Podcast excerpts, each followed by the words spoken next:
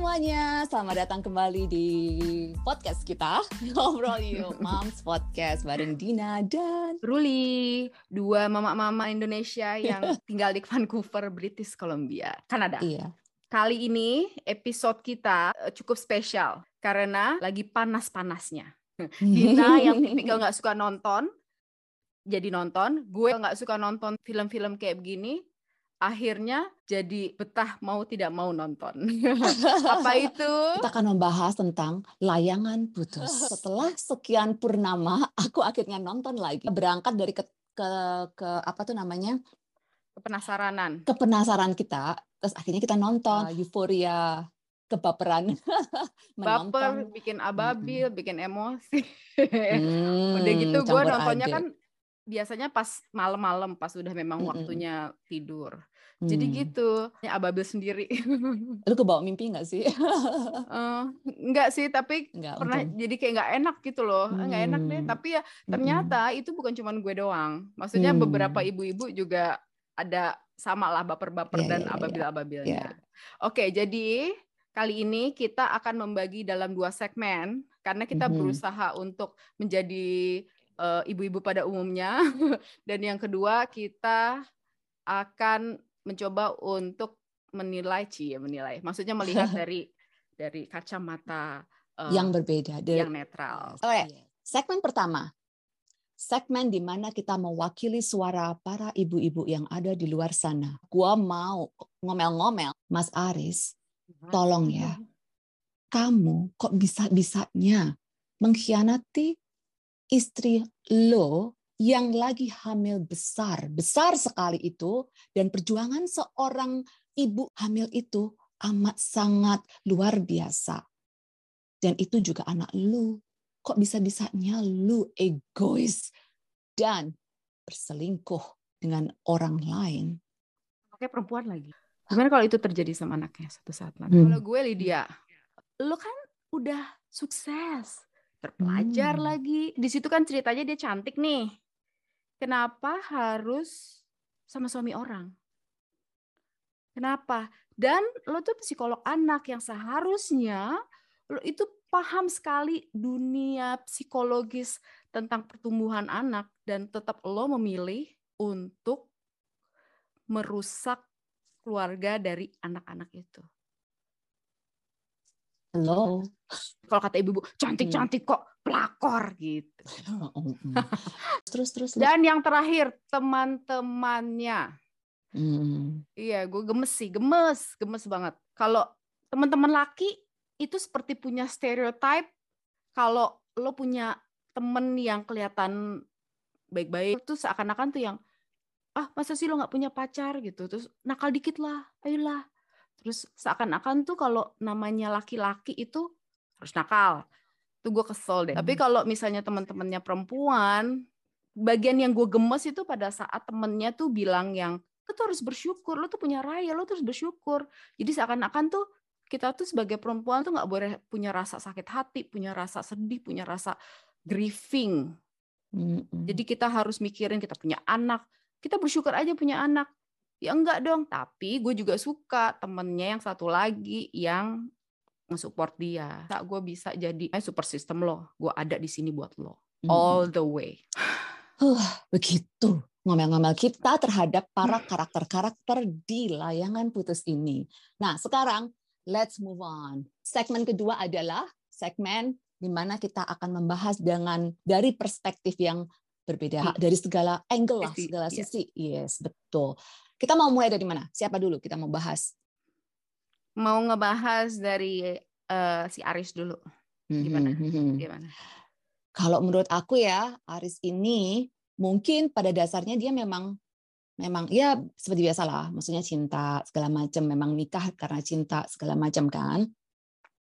Lalu at some point menurut aku yang mungkin mungkin yang berperanan penting itu tuh juga lingkungan sosial di mana dia dikelilingin sama kayak contohnya teman-teman dia dia selalu kayak meskipun dia kayak menyembunyikan di itu depannya di depannya teman-temannya mereka seakan-akan dia sempurna teman-temannya itu kayak melontarkan kata-kata pesan-pesan yang diterima uh, di lingkungan itu adalah uh, lu kan sudah sukses, kaya segala macam. Mm -hmm. Pastilah lu tergoda apalagi istri istri lu hamil besar nih. Pasti pasti lu butuh dong pelepasan yeah. segala macam. Tuh banyak tuh ciwi-ciwi di luar sana itu yang bisa lu pilih nih. Sampai ada satu episode di mana dianya sama teman-temannya ini dikenalin sama cewek-cewek mm-hmm. membenarkan sesuatu yang sebenarnya nggak benar gitu loh.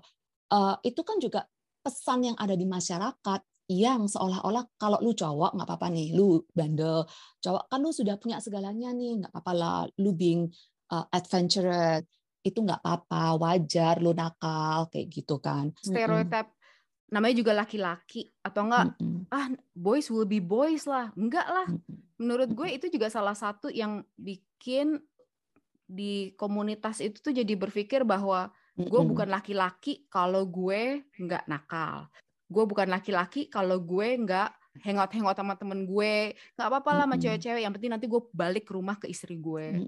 Terus juga nanti pada saat ada laki-laki yang tidak seperti itu dan itu ternyata bukan stereotipnya, itu jadi seakan-akan extraordinary. Jadi misalnya ada hmm. laki-laki, ada suami yang ngurusin anak atau enggak yang masak atau enggak yang beres-beres rumah.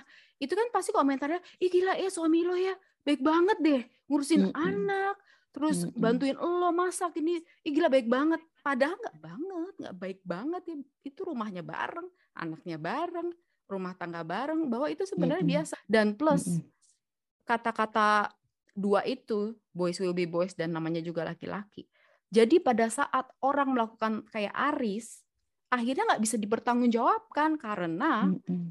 dia ada di stereotip itu. Jadi pada saat misalnya ada istri curhat, ada suami gue begini nih, masa dia misalnya pijat plus plus apa apa apa.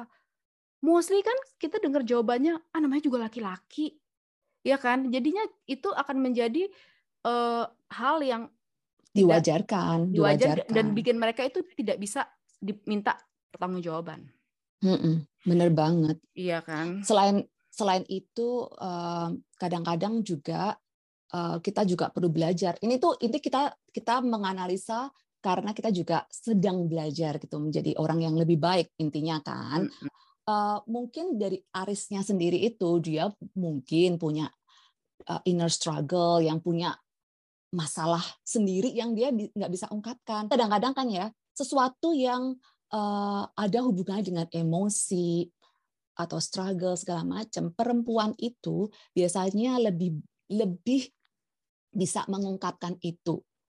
Feeling kita, perasaan kita tuh lebih besar gitu karena kita memang diciptakan seperti itu.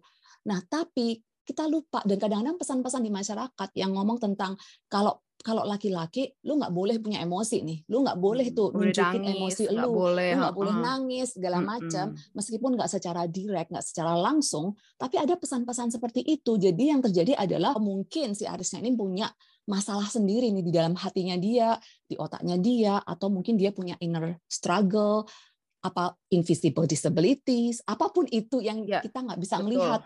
Uh, kita nggak nggak tahu struggle-nya dia ini. Dan dia nggak belajar laki-laki uh, secara umum itu perlu juga punya punya wadah untuk dia bisa meng, meng, mengekspresikan perasaan dia, feeling dia, emosi dia.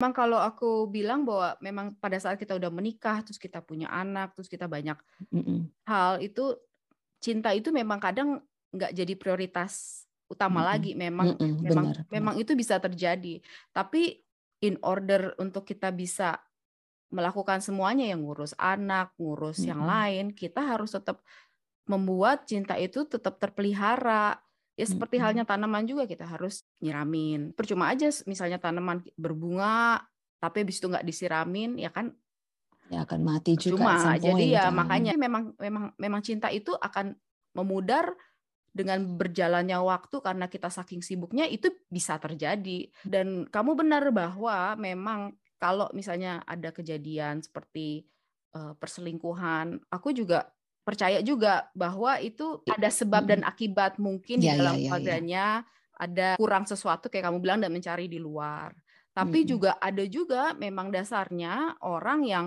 no matter istri atau suami kamu itu setia, bertanggung jawab atau apa pun, ya memang dia itu punya masalah dengan kesetiaan itu juga ada. Hmm. Tetap bagiku tuh selingkuh tuh salah. Hmm. Walaupun dia punya masalah, menurutku tuh selingkuh salah. Walaupun memang pasti ada alasannya di balik itu. Mm -mm, gitu. Mm -mm. Terus sekarang kita lanjut ke Kinan. Kinan, gimana menurut lo Kinan? Kalau menurut gue sih Kinan itu yang gue suka kan sebenarnya dasarnya dia uh, ya berpendidikan dan pinter mm -hmm. ya.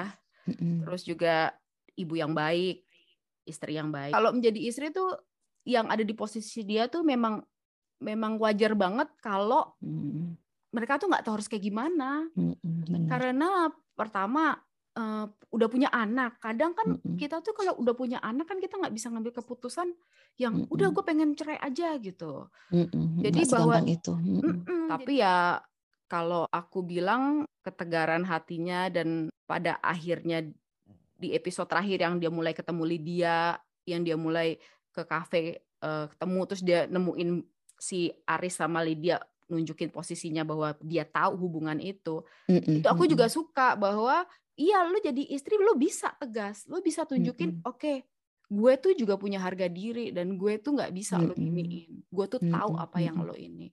Menurut gue itu juga pesan yang bagus sih. Maksudnya kita juga sebenarnya punya pilihan untuk seperti itu dan bergerak tuh sebenarnya bisa. Mm-hmm. Kayak gue tuh nggak pasrah-pasrah aja nih lo kayak gini mm-hmm. gitu. Mm-hmm dan gue tuh istrinya intinya kayak gue punya posisi yang lebih berhak dari si Lydia gitu. Kinan itu pasti terluka amat sangat ya. Iya. Apalagi iya. gini ya, maksudnya kayak di situ kan dia ada kayak kebingungan ya. Sudah gitu perasaan dia tuh nggak divalidasi sama teman-temannya. Oh perasaan lu aja segala macam.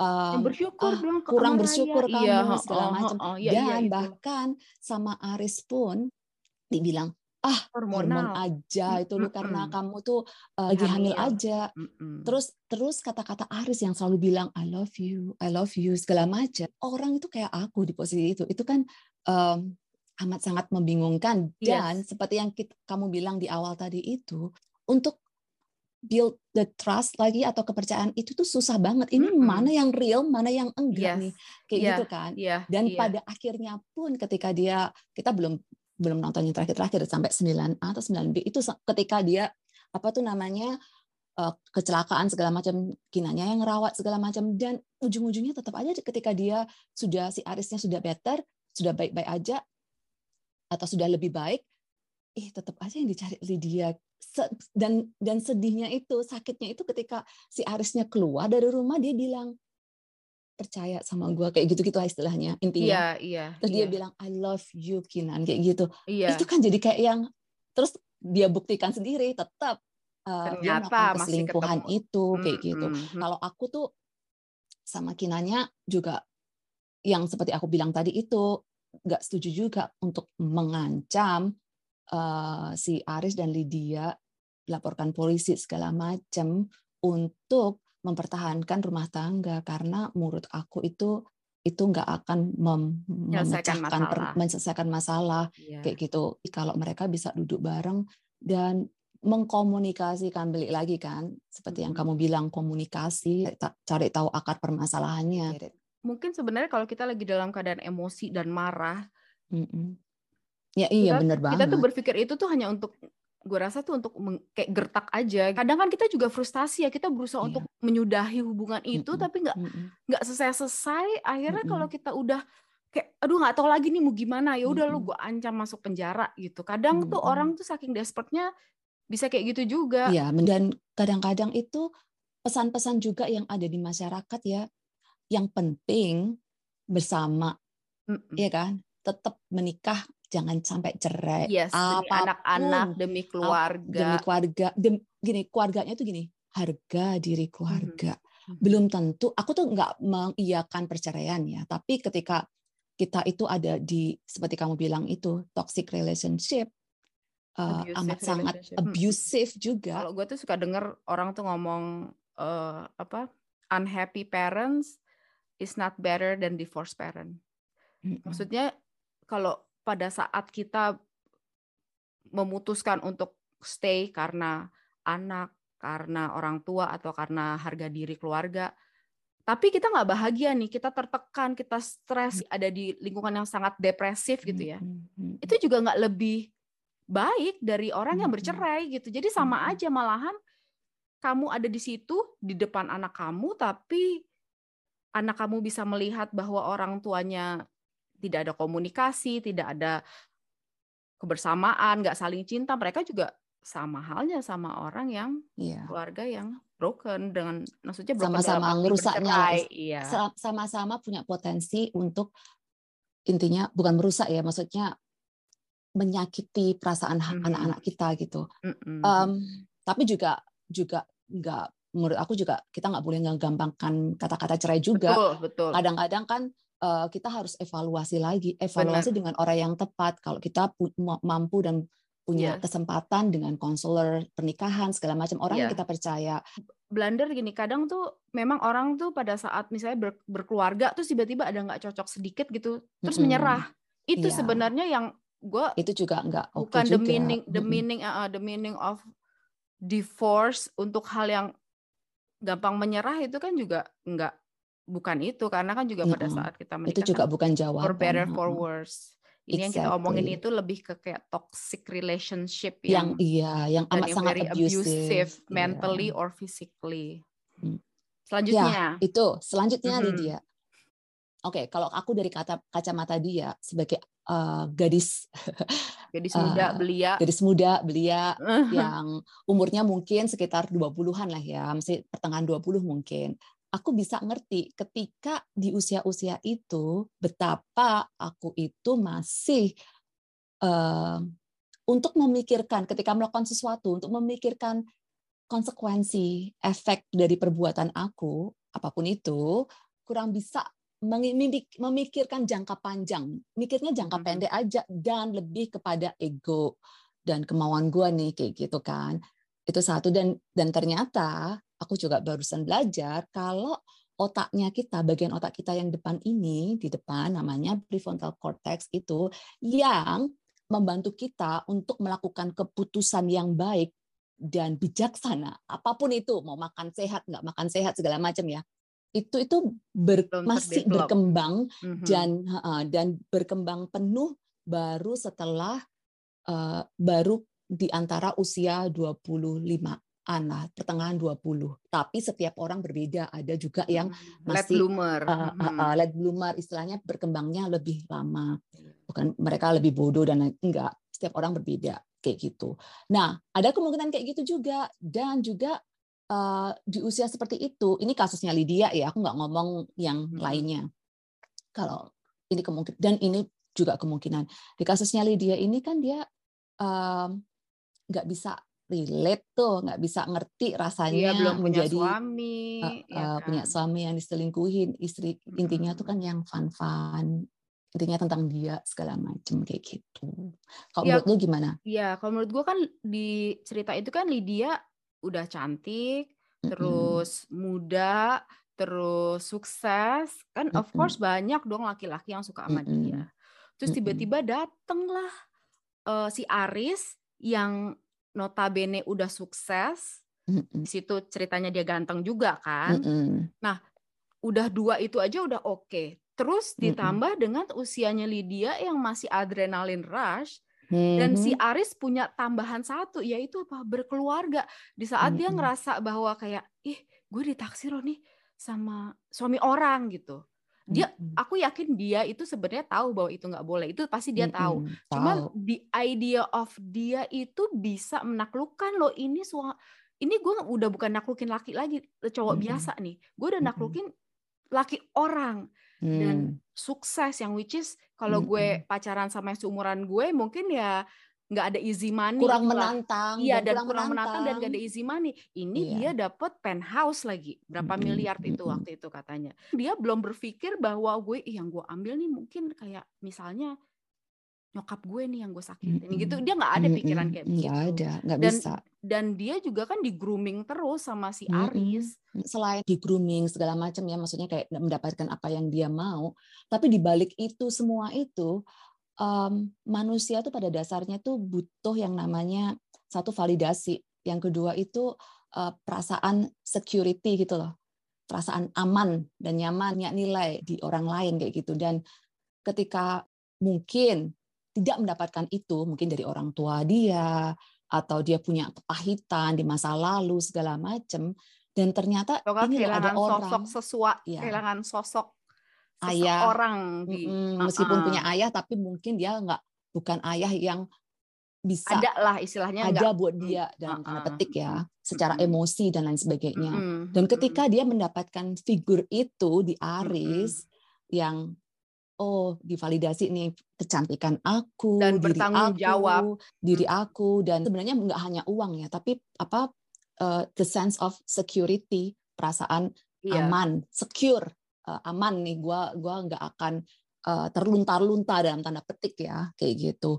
Dan juga selain itu menurut aku pesan-pesan di masyarakat ini loh yang kayak ngomongin kesuksesan. Istilah sukses itu apa sukses sama dengan kekayaan.